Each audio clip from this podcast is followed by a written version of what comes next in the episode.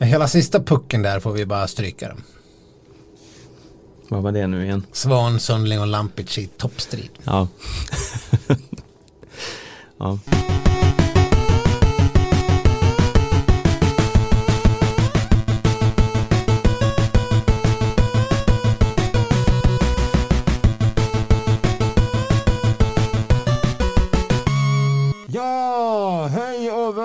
välkomna till veckans avsnitt av Skidsnack. Det är jag Stenqvist och eh, mitt emot mig har jag Sköld.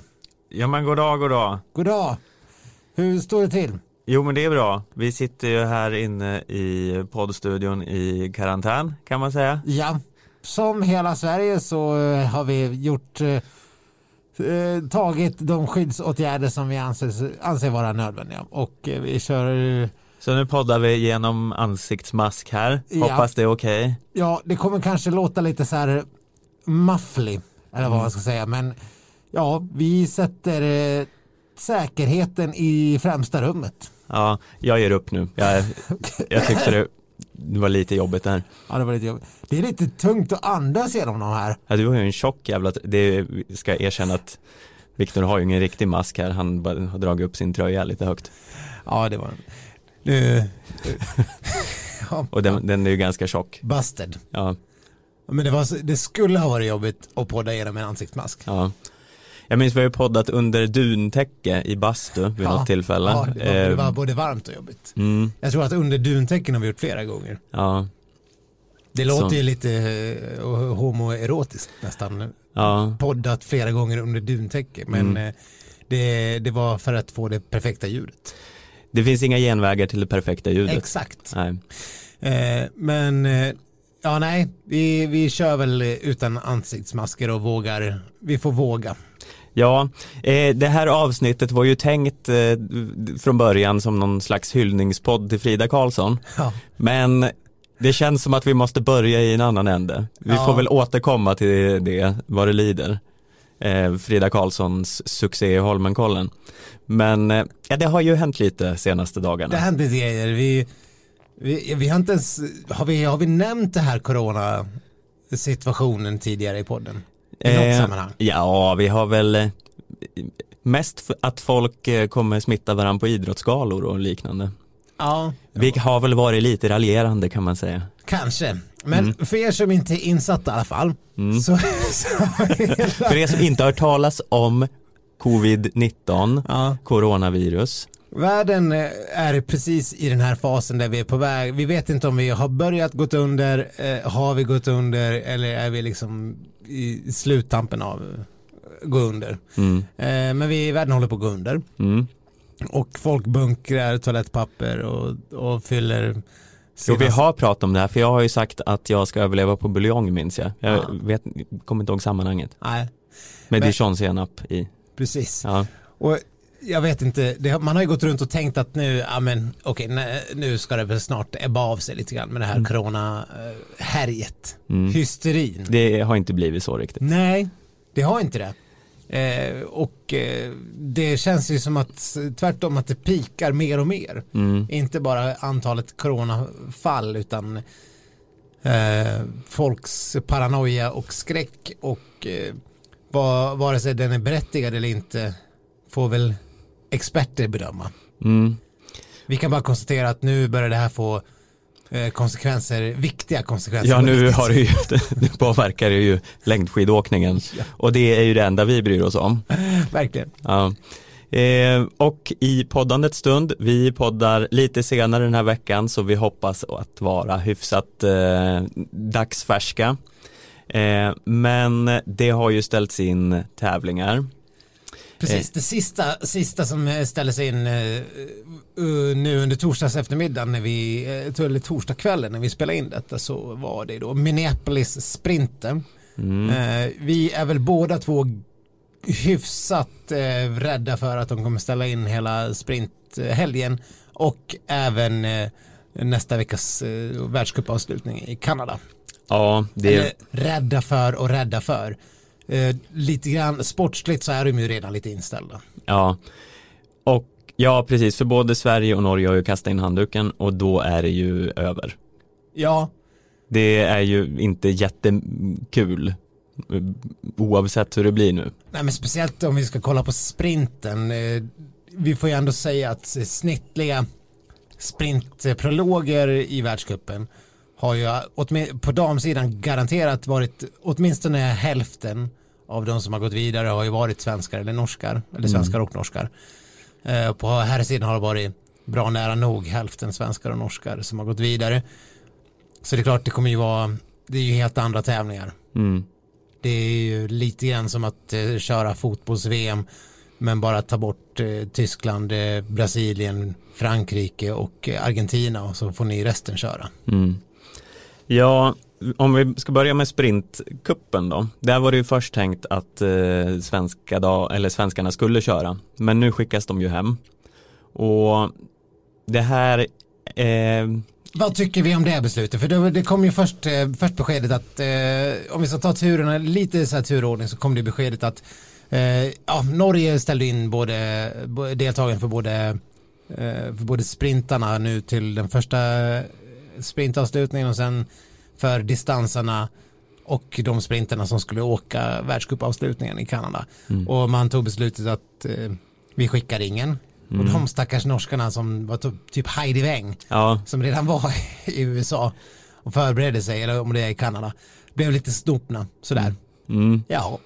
Ja, eh, vi har ju kanske inte uttryckt de snällaste eh, saker om Heidi Weng alltid, Nej. men nu tycker jag lite synd om ja, Heidi Weng. Det gör jag verkligen. Jag tycker synd om alla som är där och skickas hem nu. Eh, ja, och sen kom ju då beslutet, alltså Svenska skidförbundet är ju fort, fortsätter ju inte att imponera i sin kommunikation direkt. För eh, först så fattar man beslutet då att nej men vi stannar och sen får åkarna uttala sig om äh vadå, vad konstigt att de gör så, speciellt de som redan är här. Alltså när de ska kritisera det norska landslaget lite grann. Mm. Och vi får skriva artiklar om där Oskar Svensson får bre ut sig och, och, där man pratar om norskarnas beslut och, och sen eh, har vi pratat med Mia Karlsson om hur Frida resonerar och, och sådär. Och sen kommer då beslutet att eh, svenska distanslaget inte åker över. Mm. Och fine med det, den tävlingen är ju först nästa helg och man vill inte skicka över folk som redan, för det är ju det som svenska myndigheter och, och experter pratar om är ju att inte resa, att det är det resandet som utgör det farliga, mm. lite grann. Eh, så då kanske det känns dumt att skicka över trupp på liksom 20 man med tränare och åkare och, och allt vad det är och ännu fler säkert runt omkring mm. för sen komma tillbaka hem. Ja, så då fattar man det beslutet. Men sen först idag så tar man beslutet att alla bara ska hem. Mm. Fast de redan är där på plats. Och tävlingarna ska avgöras om två dagar. Mm. Och det är, jag kan inte köpa att det är lika självklart riktigt. Om det nu, om det nu skulle genomföras tävlingar, allt blir väldigt mycket om. För när vi, när vi slutar podda så kan ju beslutet från FIS komma. Så att, eh, eh men jag tycker det, finns, det verkar inte finnas någon, någon riktigt ordentlig bra kommunikations eh, eller beslutsfattning. Nej. Som, de, de, de ändrar sig väldigt snabbt. Då är, har jag mer respekt för Norges beslut som bara puff, pull the plug direkt. Mm. Det hade inte Ryssland. Eh, de hade inte lika mycket respekt för Norge. Nej. Eh, Bolsjunovs eh, tränare han uttryckte sig eh, så här. Eh, eh, That's not how we would like to get the World Cup. The fact that the Norwegians are not coming is a show of disrespect towards other nations. And a big hit on the FIS standings too. Nu läser jag på engelska bara för att artikeln var på engelska. Ja. Eh, ja, disrespectful. Jag tycker annars att Elena Wellbe uttalar det väldigt finstämt. Ja, hon var också väldigt... Eh... Vad, vad kallar hon dem? Fegisar? Ja. de, är, de är bara fegisar som inte vågar åka hit. Mm. Ja, visst. Det kan de väl få säga. Mm. Men ja, vad har de förlorat på att säga eller kritisera någon eller mm. något? Ja, i Ryssland finns det ju inga coronafall enligt statistiken. Nej. Det är typ 20 smittade. Det Eh, vad tror du om den vad statistiken? duktiga de är.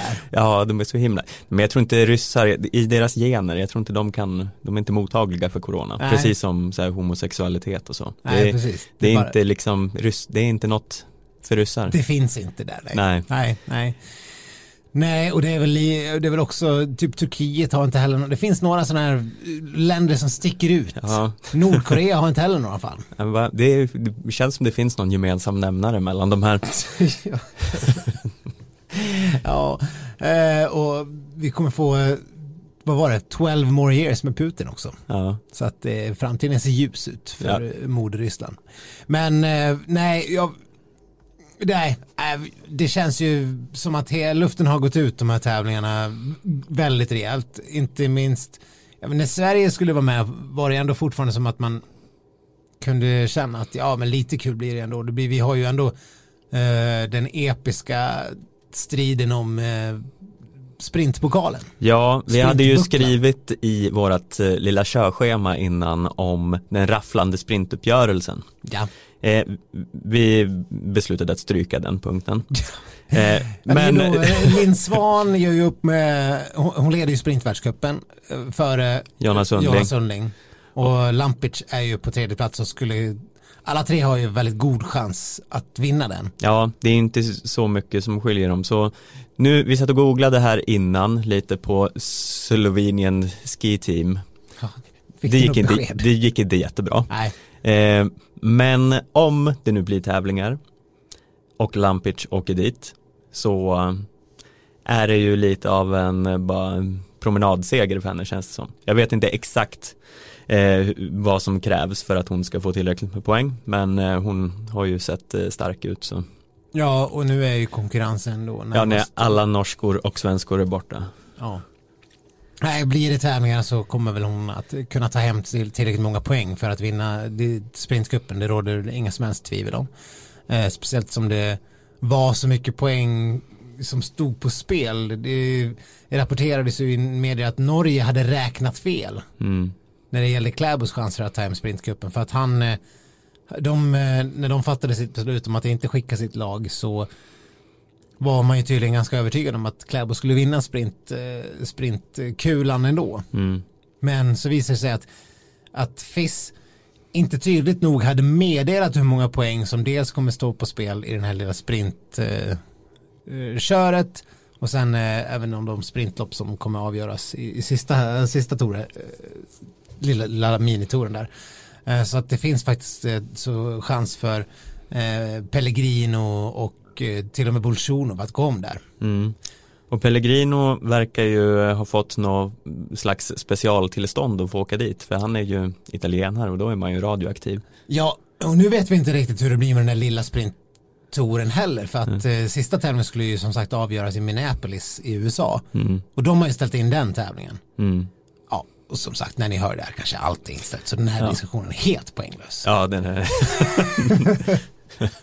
Men det är, ju, det är ju bedrövligt tråkigt hur som helst. Jag tänker bland annat på en sån som Theodor Pettersson mm.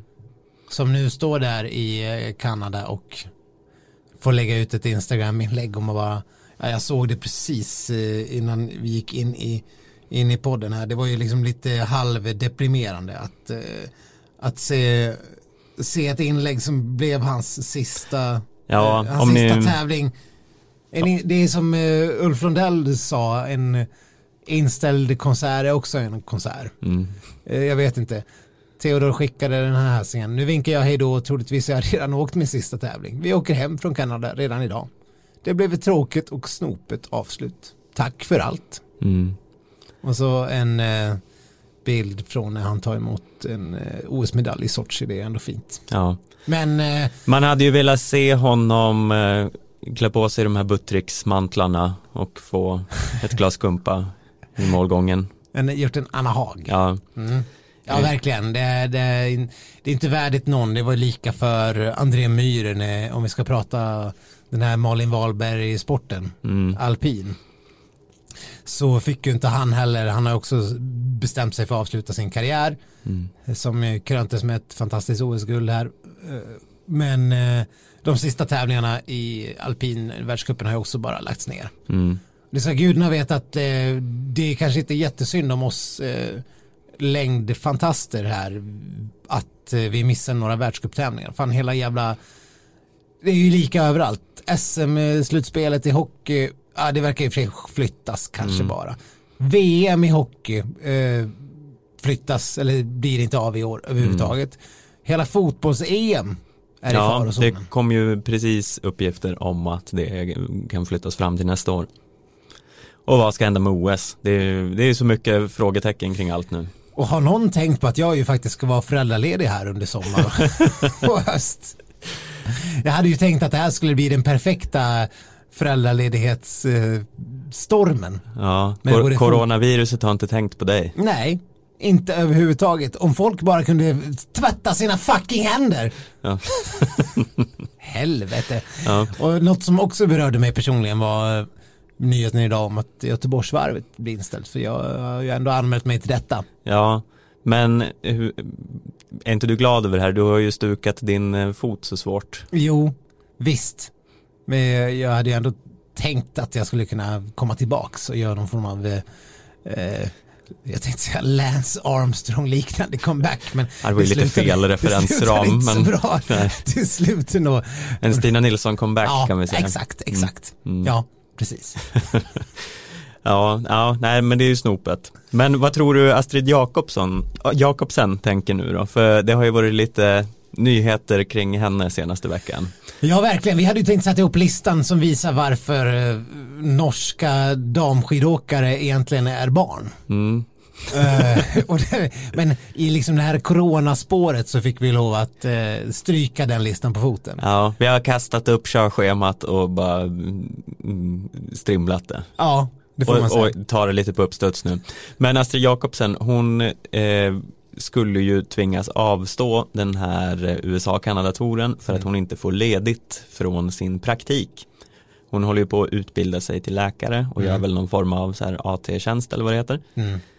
Och eh, det skulle bli för mycket vara borta Ja. för att eh, det skulle vara okej för skolan. Och Astrid Jakobsen är ju inte säker på att hon kommer fortsätta efter den här säsongen. Så ja, hon var i tårar och tyckte det här var eh, tråkigt. Mm. Men nu slipper hon ju lite så här, det hade ju blivit så ändå. Ja, men, eh, alltså jag har så mycket invändningar på den där storyn överlag. Alltså visst, det är väl bra att du utbildar dig till läkare. Men du är ju bara typ 30 år, kan du inte ta den här jävla, kan man inte ta ett sabbatsår då? Mm. Om man nu ändå ska kalla sig elitidrottsutövare. Mm. Hon är nog faktiskt typ 34 vill jag bara påstå, men Ja, men absolut. mm. Men hon är ju gammal nog för att kunna fatta sina egna jävla beslut. Och om man nu har en aktiv elitidrottskarriär som hon än har, kan hon inte avsluta den först? Mm. Eller vad är det som, vad, vad beror det på att hon absolut måste göra sin jäkla tjänst? Skolan, ger- det här alltså, hon, hon har, det är som att hon har lämnat in en ledighetsansökan till, till fröken. Mm. Och fröken säger nej, Mm. vet du vad? Det går alls inte för sig att missa så här stor del av terminen. Mm. För vad då? För bara åka iväg och åka lite världscuptävlingar? Nej, nej, världscupavslutning. Alltså, man, hon vinner ju massa pengar på att, det, det är ju det här hon lever på. Mm. Hon har ju sponsorer. Ja, Astrid Jakobsen som- har nog sannoliken råd med salt i gröten. Vad fan, det här är ju ingen jävla dagisverksamhet ni bedriver här. Ni får väl, om du, är, om du ska vara elitidrottsutövare, då får du väl vara det. Då kan du väl inte låta någon utbildning styra om du åka på världscuptävlingar eller inte.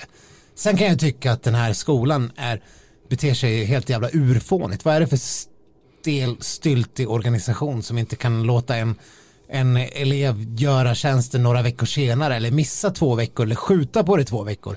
Eller vad fan som helst. Världscupen är ju slut om två veckor. Jag tycker att de hade kunnat skicka henne nu och så hade hon kunnat jobba lite extra vid sidan av med coronaprovtagning. Eh, så hade hon kunnat tillgodoräkna sig eh, lite så här, praktikpoäng. Fisk kunde jag liksom halvtidsanställt henne. Ja, Så att de kunde bara stått och testa både liksom åkare och, och övrig personal. mm. Det hade väl varit alldeles utmärkt. Ja, Och som läkare, hon kunde ju till och med ha, hon kunde ha fått, eh, jag vet inte, det kanske hade varit lite bias. Man kanske inte ville låta henne göra dopingtester och sånt. Kanske det skulle, det skulle kunna, ja. Men jag tycker att FIS borde kunna hitta lite uppdrag åt henne till höger och vänster. ja men någonstans, någon gammal fot kan hon väl linda om inte annat. Mm.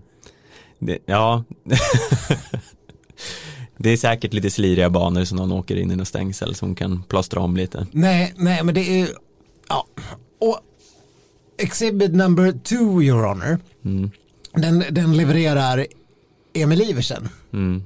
eh, Som säger så här om att, Exhibit num number two på listan varför norska skidåkare är barn. ja, norska kvinnliga skidåkare är barn. Ja, Uh, ju Therese Johaug knäcktes av Frida Karlsson.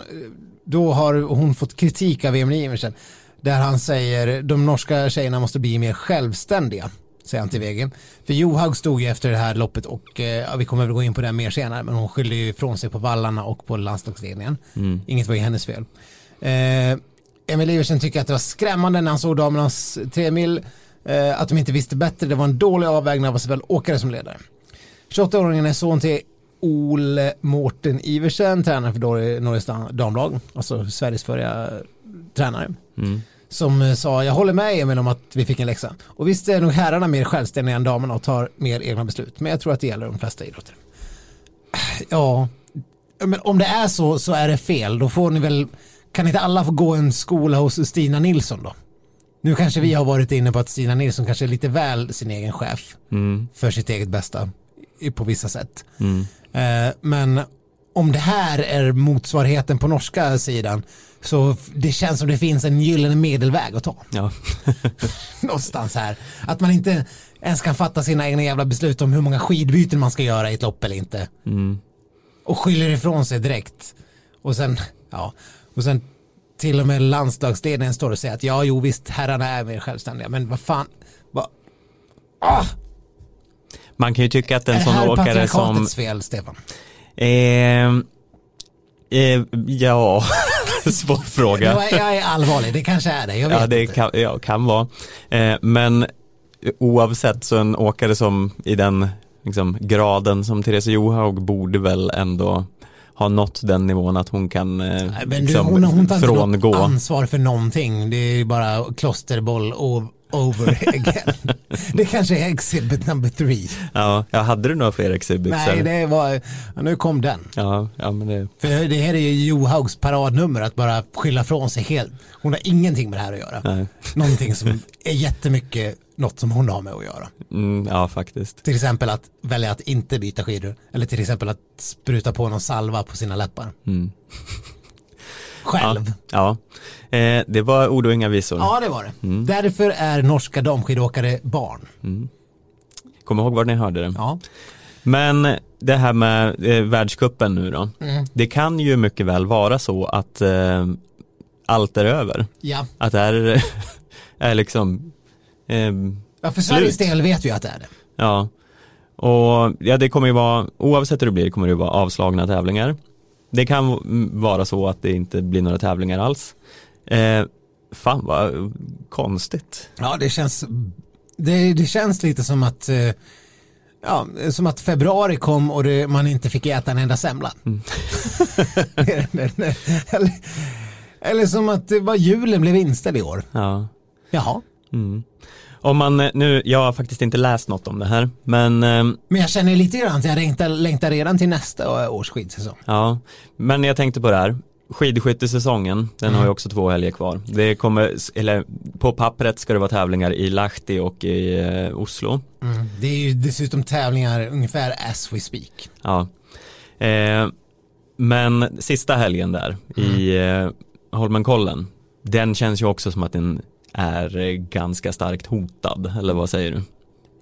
Verkligen. Det, jag menar Holmenkollen fick ju som alla vet köra utan, utan publik nu och eh, så nervösa som de är i Norge. De stänger ju för fan skolor och de drar in flyg och de sätter folk i karantän som har varit utanför Norden. Mm. Det finns inget land som är mer rädda i, här uppe just nu än Norge. Nej.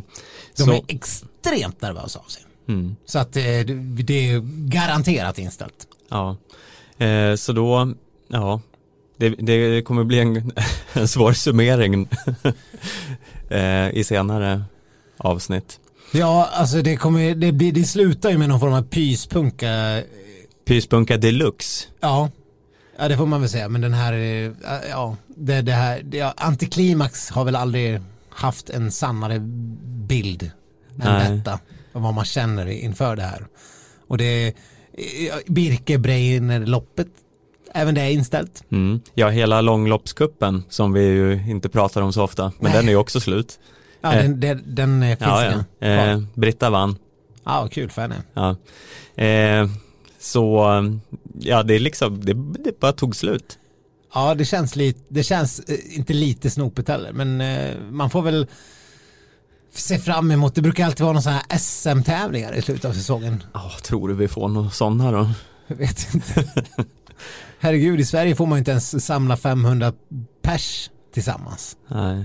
Jag vet inte exakt hur det fungerar med SM-tävlingar och sånt, om det räknas som allmänna sammankomster eller hur det skulle fungera. Men nej, det lär väl bli, det, allt lär väl bli inställt. Mm. Jävla vi ska inte ens få ha något kul längre.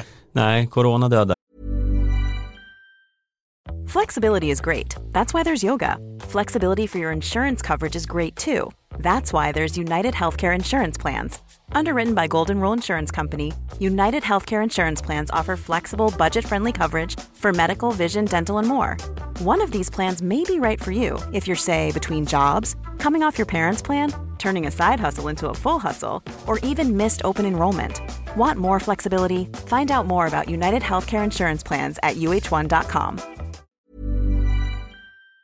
allt kul. Ja, Eh, är ju kanske, finns vissa rimliga saker med det hela, men eh, Absolut. vi är, ju, vi är ju här för att eh, konstatera att allt kul är slut. Ja, men vi kan väl uppmana alla, försök att inte sprida corona till äldre och eh, sjuka personer. Mm, Och det bästa, bästa sättet att göra det på är ju att inte försöka bli sjuk själv. ja.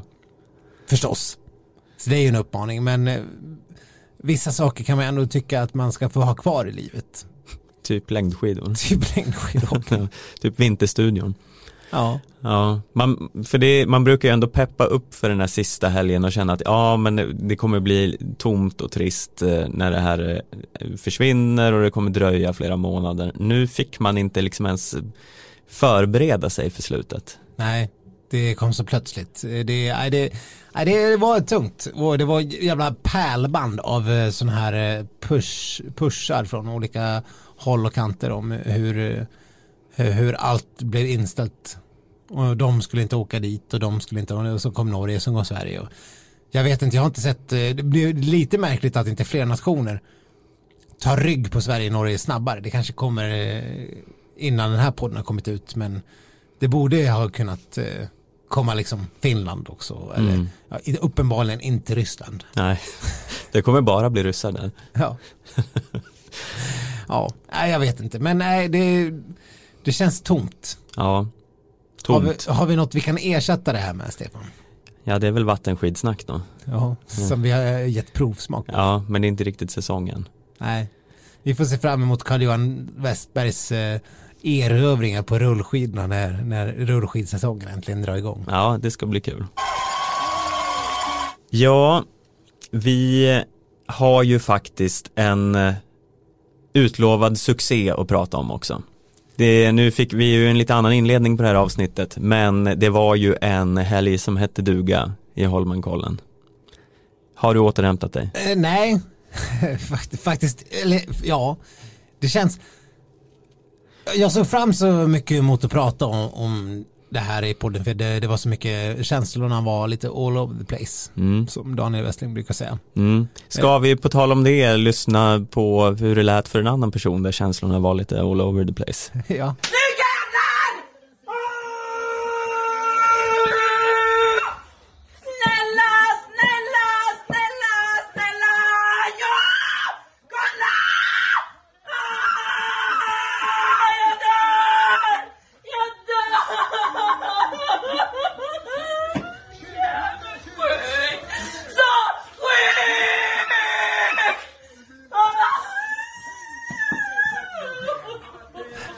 Ja, ja, det där är kanske mitt favoritklipp nu på internet. Ja, det, det här sprids som en så kallad löpeld Ja. på internet. Det är en, ett fan eh, som eh, sitter och kollar på upploppet när Frida Karlsson spöar Johaug.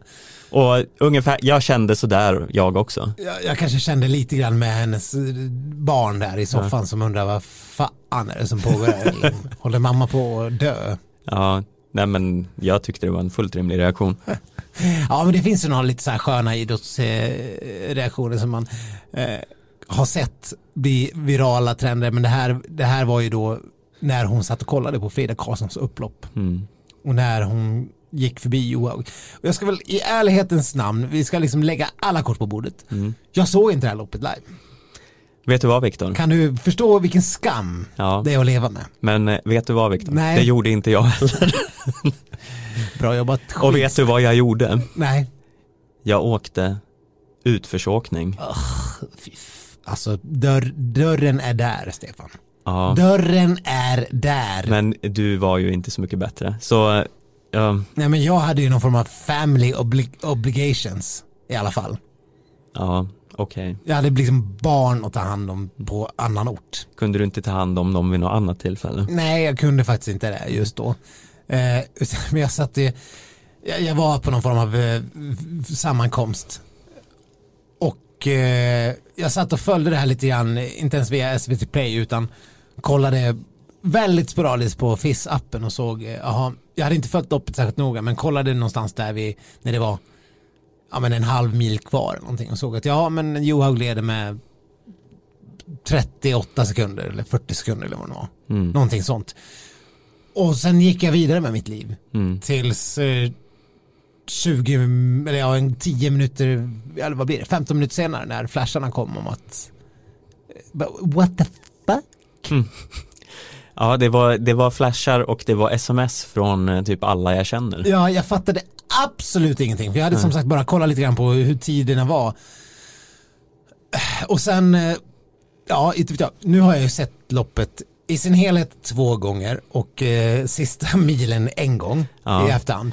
Ja. Eh, sen det här hände förra söndagen. Men ska vi ta och lyssna lite grann på hur det lät när, när det här begav sig? För det var inte bara vi som kunde tro våra ögon, eller öron. Nej, det var ju fascinerande för eh, jag såg ju det här också i efterhand Mm. eh, två gånger och diverse fler gånger avslutet. Eh, men det blev ju lite roligt att se det när man visste hur det skulle gå Ja. och då lyssna på eh, Jakob Hård och Anders Blomqvist. Eh, vi njuter av detta. Tron får jobba lite hårdare idag för att spräcka fältet. Tio minuter tog det så eh, har hon lämnat de andra bakom sig och Den här tjejen är det ingen som klarar av att gå med. Helt vansinnigt överlägsen som hon eh, är jämfört med hela den resten av världseliten. Jag tyckte väl att Johaug såg lite matt ut. ska hon orka? Mm.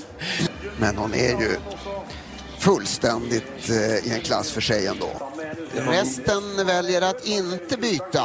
Väldigt överraskande att de svenska tjejerna går in. Att Permikoski gör det, det hade jag på känn.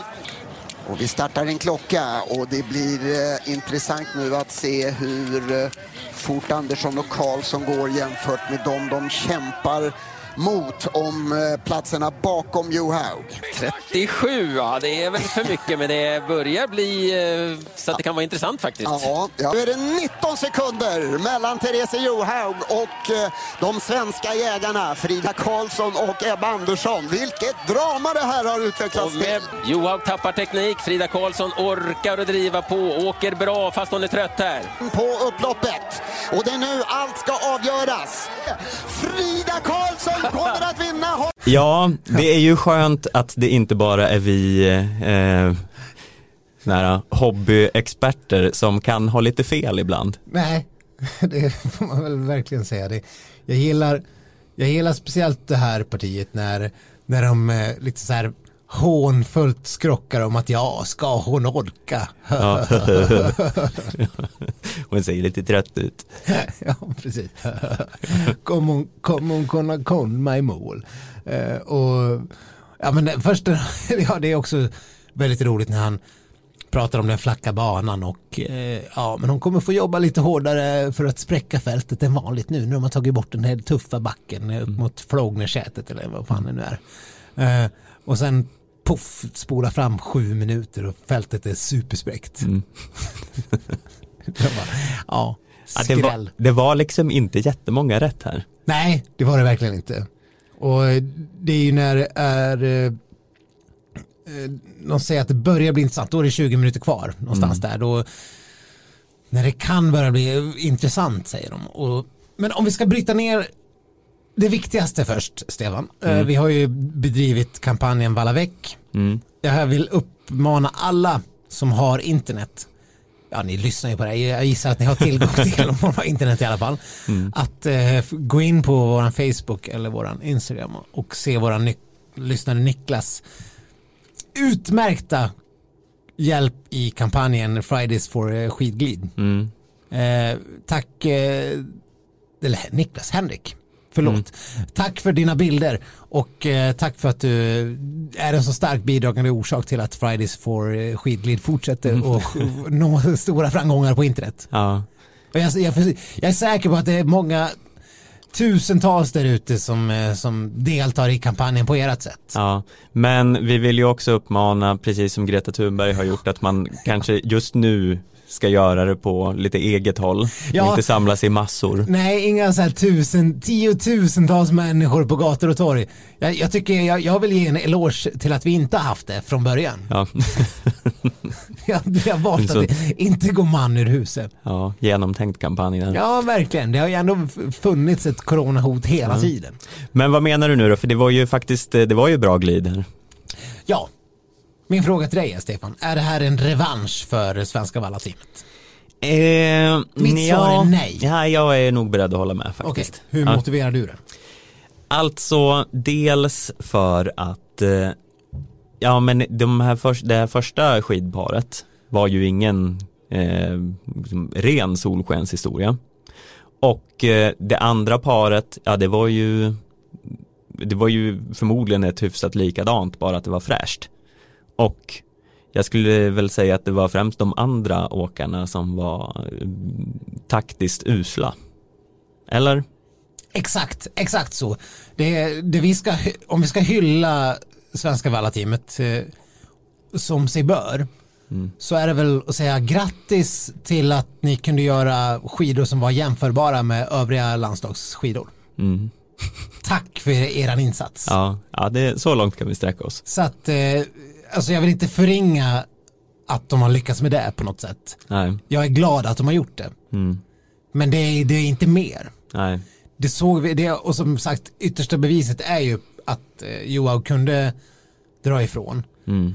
Hon hade ju förmodligen likvärdiga skidor som övriga norska åkare. ja, Eh, och svenskarna hade väl eh, okej skidor mm. jämfört med alla andra.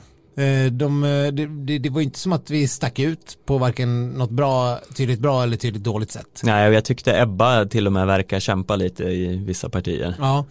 Eh, sen sa de att Sverige hade bra glid nästan hela tiden. Och det, och, för det, som vi hörde Blomman, han var ju väldigt förvånad att Sverige gick in och bytte skidor. Mm. Och det kan jag också vara lite fundersam kring för att historien har alltid visat att, eh, att det har varit en fördel att gå in och byta på de här långa loppen i framförallt Holmenkollen. De har ju framförallt nu i efterhand har man ju pratat om att eh, stadssmoggen och, och det gör att snön sliter så pass mycket på skidorna att det är värt att byta när man ska åka tre eller fem mil. Mm. Eh, Det var ju något som alla visste om på söndagen under det här loppet. Mm. Som att, men okej, jag, så det, jag, jag kanske förlåter honom lite för det var ju först då alla, alla förstår sig på det, visste att det var så. Men Mm. det borde ju kanske experterna vetat redan innan. Ja, man kan ju tycka Man det. Det är inte första gången och- de åker tre mil. Nej, man borde inte sitta och behöva vara förvånad över att de går in och byter. Nej. Så, utan man borde kunna tycka att ja, men det där var ju jättesmart drag. Mm. Eh, Som det visade sig vara. Men som du säger, Sverige bytte ju till ett likvärdigt par som de hade från början när de inte hade varit slitna i två mil. Mm.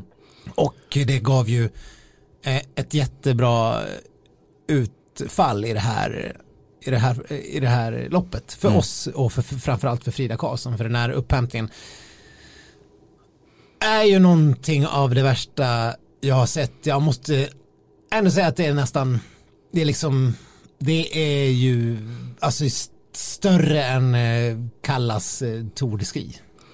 Ja, det är ju, ja det är ju där och tampas, får man ju säga.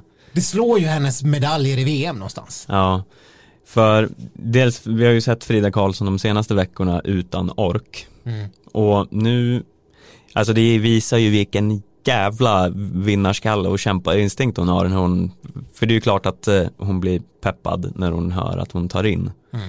Men ändå, även om hon nu har extremt mycket bättre skidor.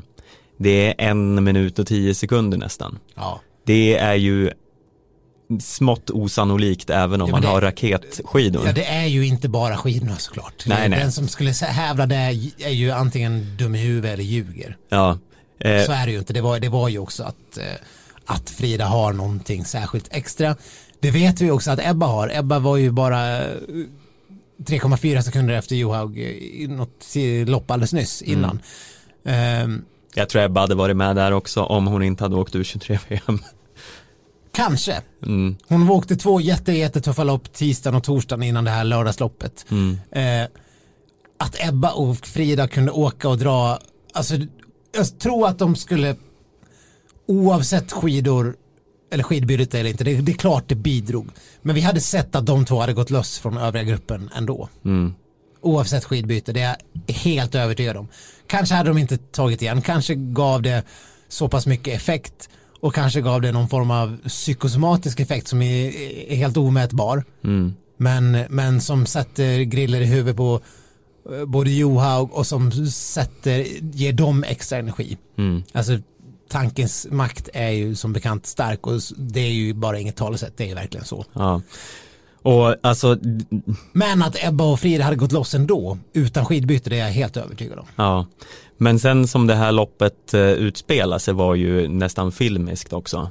Att hon kom ikapp alldeles på sluttampen där och fick eh, spurta förbi. Ja men det är ju ingen slump. Nej, och på att det skedde i Holmenkollen, tyvärr utan publik då. Men eh, Det är ju det man- Men alltså vi får väl ändå någonstans tänka att det här är inte den sista av Frida Karlssons Holmenkollen-segrar. nej, Hon är 19 år, mm, har vunnit eh, VM-silver och eh, Holmenkollens tre mil mm, i, i 30 eh, kilometer i sina två lopp ja. som hon har kört. Det är väl ändå en hyfsad insats. En hyfsad insats. Eh, vi får väl ge oss eh, själv lite eh, slag på fingrarna efter förra veckans raljerande kring när den senaste icke Björgen eller Johaug eh, vinsten i Holmenkollen var och eh, eh, härjade på lite om att det var ganska förutbestämt nu också. Förlåt, hon är 20 år. Jag fick lov att fact-checka mig själv. Jag Vad sa du nyss då? 19. Ja, Ja, men ja, fast det var väl, det var ju väldigt lite som tydde på att det skulle förändras. jo men vi har ändå suttit och kastat skit på eh, Anders och Jakob här så vi får väl vara lite transparenta och kasta skit Ja, det på oss ju själva det, också. Ja, men det är ju det som gör Fridas insats eh, så mycket större. Mm. Som, gör, som sätter det i ett sammanhang som går att jämföra med Charlotte Kallas eh, Tour de Ski triumf. Mm. Holmenkollens tre, tre mil eller långlopp om vi ska säga så. Det är ju det, är ju det enskilt största loppet vi har. Mm. Överhuvudtaget bortanför eh, VM och OS. Ja, jo det är det ju. Alltså tveklöst, det går inte att jämföra med någonting annat. Alltså Vasaloppet eller sådär eh, är ju, visst det är ju någonting men det, det är ändå inte Holmenkollens långa lopp. Det, de går liksom, de går före alla andra lopp. Mm. Så är det bara. Så är det. Och det här är så stort. Sen visst, när, när Frida vinner sin första gång i Tour de Ski så kommer vi ju tycka att det är sjukt. Men då har hon ju redan gjort allt det här andra. Det är, hennes karriär är ju, ja, ja, jag vet inte, vi kommer ju sitta här i tio år och prata om hur sjuk hon är. Ja. Eh, ja, verkligen. Och eh, vi trodde ju att den här säsongen skulle bli hennes eh, Eriksgata lite grann. Sen hände ju saker på vägen. Ja men, Men- bara det också. Ja, Hon har för fan varit avstängd av sitt egna förbund flera månader. mm. Så när, om, om hon väl kommer in i nästa säsong utan problem, satan vad spännande det ska bli att se. Ja, alltså man hoppas ju, ja men det, det kommer hon väl göra. Det finns väl inget som talar för att Johaug inte skulle fortsätta en säsong till. Nej. Men då kommer ju, alltså vi kan garantera att det kommer inte se ut som det har gjort den här säsongen. Det finns, det finns ingenting talar ju för att det ska vara samma överlägsna Johaug en hel säsong. Eh, om Ebba och Frida får hålla, hålla sig friska, Frida gjorde det inför den här säsongen tills det där hände. Ebba hade ju väldigt trasslig Ja. eh, sommar. Om de får hålla sig friska då, det finns ju liksom, det kan, det kan bli så mäktigt nästa års säsong och nästa års VM. Så att, ja gud, det spritter nästan till i kroppen bara man tänker på vilka sjuka lopp vi kommer att se. Ja, men om man ska nämna det också lite. Vi hade ju Charlotte Kalla som eh, tog en fjärde plats här. Eh, Den insatsen är ju mer svårbedömd på något vis. Ja, Alltså jag, då, då, där talar ju för att skillnaden är jätteavgörande. Eh, avgörande. mm. Fast det har vi ju precis suttit och sagt att eh, hävdat motsatsen lite grann.